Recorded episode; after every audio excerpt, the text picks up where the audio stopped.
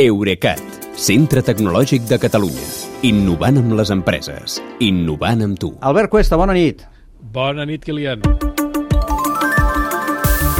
En menys de 24 hores, una de freda i una de calenta per Microsoft. Per quina vols començar, Albert? Uh, digue'm tu quina és la freda i quina és la calenta, quina és la bona i quina és la dolenta. Ah, mira, doncs eh, ens posem en mans de l'Olga, que és eh, una de les integrants de la UAL. Olga, bona nit. Hola, bona nit. Què és bo i què és dolent? La freda és la bona, la calenta és la bona... Doncs mira, mm, hem decidit que ni bona ni dolenta, perquè és una cosa o la contrària.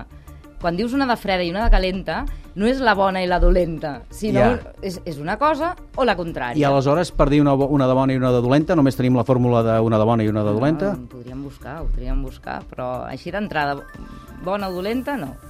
Albert. Perquè, a més, hi ha gent que li agrada la llet freda i hi Clar. ha gent que li agrada la llet calenta. Uh, sí, i amb les coses calentes et pots cremar, per tant, són, per tant són, poden ser dolentes. No sé, jo volia començar per la mala notícia per Microsoft. D'acord, doncs ara anirem a la mala. Nosaltres en tenim una de bona, sigui freda o calenta, eh? que és que demà dedicarem el dia, i en això ens ajudareu els de la UAL, I tant, Au, tot el dia estigueu pendents de l'antena perquè, perquè sonarà molt bé això, eh? Sí, demà dedicarem el dia al català, a la llengua, a la qüestió de la llengua, i farem diverses coses. Algunes crec que us divertiran, i al programa aquest també en farem algunes. I potser a partir d'aquí això servirà com, com de fil per estirar perquè la UAL tingui un paper en aquest programa i comenci a aparèixer. Bé, ho deixem així una mica en l'aire, però igual això de jugar amb, amb la llengua ens agrada molt als catalans, que sempre diuen que els catalans som gairebé allà on hi ha un català hi ha un lingüista, eh? per l'amor a la llengua que tenim. Per tant, crec que és el moment de... Mira, Doncs aquí ens tindràs, ens aquí ha ens servit per emplaçar-los, que a partir d'ara fem coses conjunts amb la UAL, que són aquells que ens assessoren, és que potser no ho han dit els oients, són els que ens assessoren en l'ús de la llengua, que els tenim aquí sempre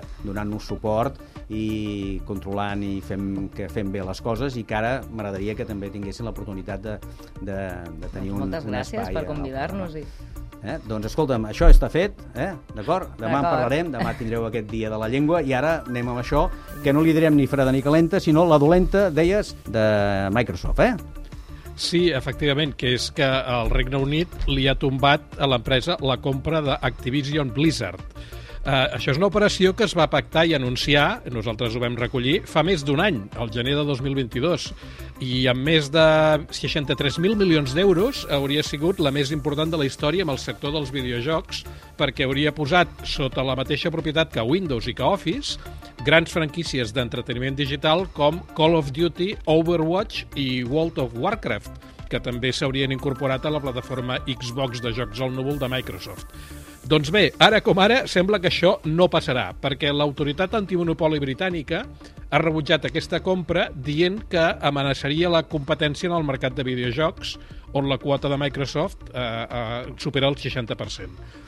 Durant els mesos que ho han analitzat, eh, l'organisme han proposat a Microsoft que deixessin fora de l'operació alguns d'aquests títols que dèiem, però l'empresa s'hi va negar i per això la venda ha quedat blocada de manera definitiva. Però bloquejada a tot el món o només aquí? Uh, no, de fet només el Regne Unit, però és que és el sisè mercat mundial amb despesa de videojocs, de manera que l'operació sí que queda molt tocada. Uh, per altra banda, el Regne Unit mai havia sigut un dels països més beligerants o estrictes amb intervencions antimonopoli, perquè uh, ho, ja ho delegava s'hi dedicava a la Unió Europea però des del Brexit s'hi han hagut de posar més. De tota manera, eh, tant Brussel·les com els Estats Units també estan revisant aquesta operació, cadascú per la seva banda, i podrien adoptar eh, una decisió semblant de bloquejar-la. És per això que un portaveu d'Activision Blizzard ha dit que la decisió britànica és desproporcionada i un altre de Microsoft, em sembla que ha sigut el mateix president de la companyia, el Brad Smith, ha avisat que presentaran una apel·lació. I mentrestant, la cotització d'Activision Blizzard a la borsa ha caigut un 11% des d'ahir. I, en canvi, les accions de Microsoft han pujat un 8%. Sí, però és que probablement sense el veto haurien pujat eh, encara més, perquè tot just ahir van presentar uns resultats empresarials del trimestre passat que són doncs, molt positius, eh, facturant un 7% més que l'any abans, gràcies sobretot a les aplicacions Office d'Ofimàtica i els serveis del núvol Azure, però també a les vendes de publicitat a la xarxa LinkedIn, que és propietat de Microsoft, i fins i tot a una caiguda de vendes de sistemes operatius, de Windows, diguem, menys acusada de la que s'esperava a la vista de com han frenat les vendes d'ordinadors.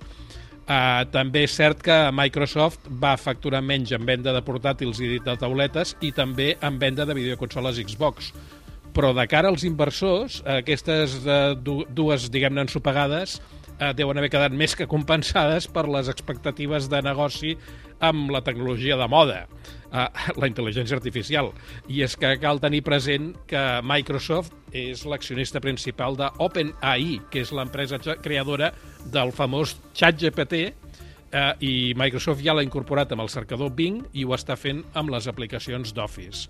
I perquè no fos cas que ho oblidéssim, això de la relació entre, entre Microsoft i, i ChatGPT, ahir el Satya Nadella, que és el conseller delegat de Microsoft, va mencionar els, temes, els termes intel·ligència artificial i OpenAI almenys 24 vegades en el quart d'hora que va passar introduint la presentació dels resultats. Doncs bé, entre fredes i calentes, Microsoft per allà posada. Gràcies i fins demà, Albert. Bona nit, Kilian. Fins demà.